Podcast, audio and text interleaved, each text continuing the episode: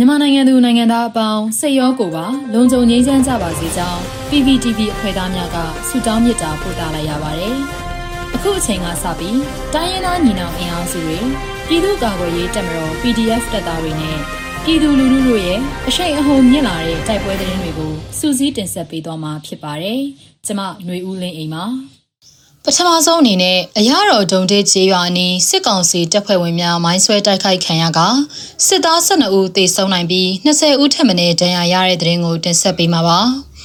အရတော်အရှိနဲ့ဒုံထစ်ကျေးရွာအနီးမှာခြေလင်းစစ်ကြောင်းထိုးလာတဲ့အကြမ်းဖက်စစ်ကောင်စီတပ်ဖွဲ့အင်အား90ခန့်ကိုအရတော်မြို့နယ်တော်လှန်ရေးအင်အားစု ARA ကဒီဇင်ဘာလ29ရက်ညပိုင်းမှာမိုင်းဆွဲတိုက်ခိုက်ခဲ့ရာစစ်သား12ဦးခန့်သေဆုံးနိုင်ပြီး20ဦးထပ်မံဒဏ်ရာရကြောင်း ARA ကသတင်းထုတ်ပြန်ခဲ့ပါတယ်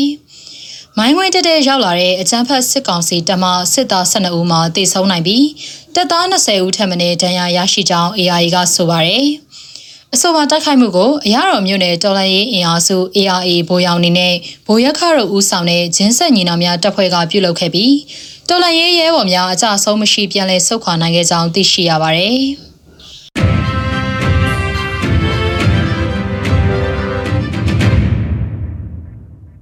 ဆက်လက်ပြီးဒေသကာကွယ်ရေးတပ်ဖွဲ့များကဤပညာသုံးဘုံကျဲတိုက်ခိုက်မှုကြောင့်အကြမ်းဖက်စစ်သားတွေတိစုံတဲ့တဲ့တင်ကိုတင်ဆက်ပေးမှာပါ။ စကိုင်းတိုင်းပလဲမြို့နယ်အတွင်းကအောင်ဆန်းတပ်ဖွဲ့ MPDF အဖွဲ့နဲ့မဟာမိတ်ပုံတောင်တိုက်ကအဖွဲ့တို့ပူးပေါင်းပြီးမနေ့ကနီးပညာအသုံးပြုပြီးလေပေါ်မှဘုံကျဲတိုက်ခိုက်မှု9ချိန်အထိပြုလုပ်ခဲ့ရာအကြမ်းဖက်စစ်သားတွေတေဆုံးခဲ့တယ်လို့ဒေသခံကာကွယ်ရေးတပ်ကသတင်းထုတ်ပြန်ပါတယ်။သတင်းထုတ်ပြန်ချက်မှာတော့ယနေ့ဒီဇင်ဘာ29ရက်9:05မိနစ်အချိန်မှာတစ်ချိန် နနက်7:22မိနစ်နဲ့မွန်းလွဲ12:38မိနစ်တွေမှာကန်တောင်းအနောက်ဘက်ကိုထွက်လာတဲ့အင်အား90ခန်းရှိတဲ့စစ်ခွေးတွေစခန်းချရာစိမ့်ဆိုရုံမှာနှစ်ကြိမ်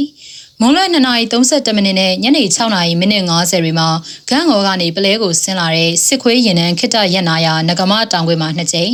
စုစုပေါင်း9ချိန်တိုက်ခိုက်မှုတွေလုပ်ခဲ့တဲ့အတွက်စစ်ခွေးအများအပြားထိခိုက်ကြဆုံးနိုင်တယ်လို့အောင်ဆန်းတပ်ဖွဲ့ MPDF ကဖော်ပြထားပါတယ်။ ထုတ်ပြန်ချက်ထဲမှာတော့နီးပညာသုံးလေပေါ်မှာဘုံကျဲတိုက်ခိုက်မှုလိုပဲဖော်ပြထားပြီးတိတိကျကျတော့မဖော်ပြထားပါဘူး။ဒီဇင်ဘာ29ရက်မနေ့ကပဲမကွေးတိုင်းရေစကြိုမြို့နယ်၊စကိုင်းတိုင်းပလဲမြို့နယ်နဲ့မုံရွာမြို့နယ်တွေကကာကွယ်ရေးတပ်ဖွဲ့ဝင်တွေစုပေါင်းပြီးတိုက်ခိုက်ခဲ့တာကြောင့်အကြမ်းဖက်စစ်ကောင်စီတပ်က9ရောက်ထက်မနည်းသေဆုံးခဲ့တယ်လို့ဒေသကာကွယ်ရေးတပ်တွေကသတင်းထုတ်ပြန်တာပါ။ မဟာမိတ်ညီနောင်အဖွဲ့တွေဖြစ်တဲ့ရေစကြိုမြို့နယ် NYSO ပျောက်ကြားတပ်ဖွဲ့၊မြောင် Special People's Defense Force MSPDF ၊ချောင်းဦးပြည်သူ့ကာကွယ်ရေးတပ် CHU PDF နဲ့မြင်းဆန်27 Revolution Force အဖွဲ့တွေပူးပေါင်းပြီးမနေ့ကမွန်းလွဲတနာရီခန့်မှာအကြမ်းဖက်စစ်တပ်ကိုမိုင်းဆွဲတိုက်ခိုက်ခဲ့တာကြောင့်အကြမ်းဖက်စစ်တပ်က9ဦးသေဆုံးခဲ့တယ်လို့လည်းဒေသခံကာကွယ်ရေးတပ်ဖွဲ့တွေကသတင်းထုတ်ပြန်ပါတယ်။ စကိုင်းတိုင်းမုံရွာမြို့ကန်တာယာမြောက်ဘက်မှာရှိတဲ့အကြမ်းဖက်စစ်ကောင်စီတပ်တွေဝင်ရောက်စစ်ဆေးလေးရှိတဲ့ကြားဖြတ်စစ်ဆေးရေးဂိတ်ကိုလည်းမုံရွာမြို့ပြပျောက်ကြားမုံရွာနိုင်ခင်းအဖွဲ့ကဘုံခွဲတိုက်ခိုက်မှုပြုလုပ်ခဲ့ရာအကြမ်းဖက်စစ်ကောင်စီတပ်ကနှစ်ယောက်သေဆုံးခဲ့တယ်လို့ဒေသကာကွယ်ရေးတပ်ရဲ့သတင်းထုတ်ပြန်ချက်မှာတွေ့ရပါတယ်။ လေးကစ်ကိုရင်တိုက်ပွဲပြန်ဖြစ်ပြီးအရာရှိအပါအဝင်စစ်ကောင်စီတပ်ဖွဲ့ဝင်9ဦးကိုလက်နက်များကားနဲ့အတူအရှင်ဖမ်းဆီးရမိပြီးကော့ဂရိတ်တိုက်ပွဲတွင်စစ်ကောင်စီတပ်ဖွဲ့ဝင်3ဦးသေဆုံးက9ဦးဒဏ်ရာရတဲ့တဲ့ရင်ကိုဆက်လက်တင်ဆက်ပေးမှာပါ။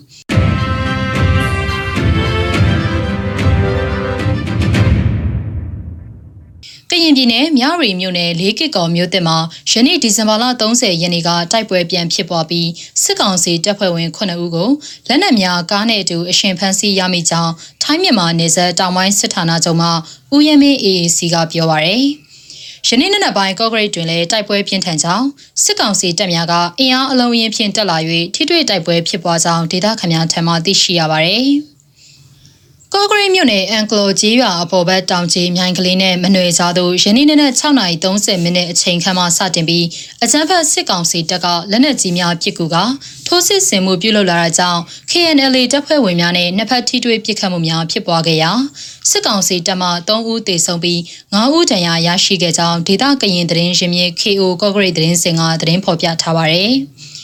စစ်ကောင်စီဘက်မှကြဆုံတဲ့ဒဏ်ရာရသူများကိုယနေ့နေ့လယ်12နာရီအချိန်မှာကားနှစ်စီးနဲ့ပြန်လည်တည်ဆောင်သွားခဲ့ကြောင်းသိရှိရပါတယ်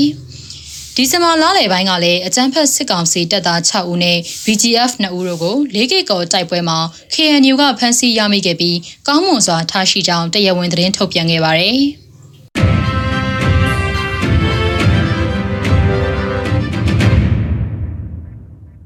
အခုနောက်ဆုံးအနေနဲ့ပင်လယ်ဘူးတွင်တရားမဝင်တစ်ဆက်များကိုပင်လယ်ဘူးပါကဖကဝင်ရောက်ဖမ်းဆီးပြီးကျွန်းသစ်ခွဲသားတန်20ခန့်နဲ့ကျွန်းသစ်လုံးတန်200ကျော်ကိုပြည်သူပိုင်ဖြစ်သိမ်းဆည်းခဲ့တဲ့တဲ့ရင်ကိုတင်ဆက်ပေးမှာပါ။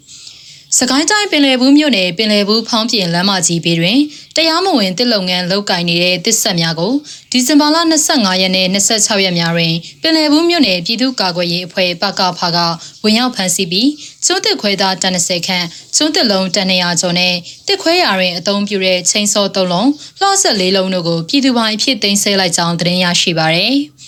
ဝင်ရောက်ဖမ်းဆီးမှုတွင်တရားမဝင်သစ်ဆက်ပိုင်ရှင်များကိုခံဝင်ကတိလက်မှတ်ထိုးခိုင်းပြီးနောက်ဆုံးအချိန်သတိပေးခဲ့ကြောင်းပင်လယ်ဘူးမြို့နယ်ပြည်သူ့ကာကွယ်ရေးအဖွဲ့ကသတင်းထုတ်ပြန်ပါတယ်။ရေတော်ဘုံအောင်ရမည်ရေတော်ဘုံအောင်ရမည်